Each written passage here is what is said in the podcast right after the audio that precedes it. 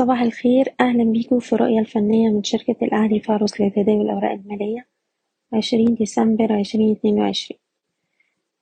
للجلسة التالتة على التوالي المؤشر بيواجه بعض الضغوط البيعية بعد ما كان وصل لمستوى المقاومة خمستاشر ألف خمسمية خمسة وتسعين لكن امبارح القوى الشرائية قدرت تتماسك في الجزء التاني من الجلسة والمؤشر قدر يقلل كتير من الخسائر بتاعته. وقفلنا عند مستوى أربعتاشر ألف سبعمية تمانية وتلاتين.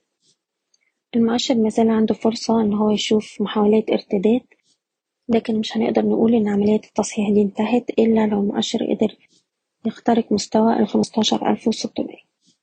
في نفس الوقت ال short term trader يقدر يستخدم أقل مستوى اتسجل الأسبوع اللي فات عند الأربعتاشر ألف ميتين خمسة وسبعين كمستوى حماية أرباح في حالة كسره وبالنسبة للأسهم نبدأ أي بي عنده مستوى دعم الأول عند الاتنين وأربعين ونص. لو قدرنا نتمسك فوق المنطقة دي هيبقى أول مستوى مقاومة عند الخمسة وأربعين ويلي مستوى الستة وأربعين. سهم أبو قير عنده دعم هام عند الستة وتلاتين جنيه بنركز على المستوى ده. طول ما هو محافظ عليه عندنا مقاومات عند التمانية وتلاتين والتسعة وتلاتين. سهم أمق. عندنا دعم هام عند الستة جنيه طول ما إحنا محافظين على المستوى ده. عندنا مقاومات عند الستة أربعين والستة ونص. سهم جهينة عنده مستوى دعم عند السبعة جنيه وتسعين قرش المستوى ده كان مقاومة والسهم قدر يكسره وتحول لدعم دلوقتي وطول ما إحنا محافظين عليه. عندنا فرصة للارتداد لمستويات التمانية ونص والتسعة جنيه.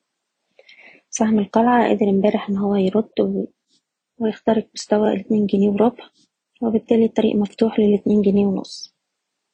أي تراجعات في السهم ده هتبقى فرص لإعادة الشراء. وأخيرا سهم مصرف أبو ظبي عندنا دعم عند الستاشر جنيه ونص. طول ما إحنا محافظين على المستوى ده يروح يجرب مرة تانية على مستوى التسعتاشر جنيه. أقرب دعم دلوقتي عند السبعتاشر جنيه.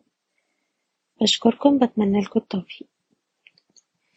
إيضاح الشركة غير مسؤولة عن أي قرارات استثمارية تم اتخاذها بناء على هذا التسجيل.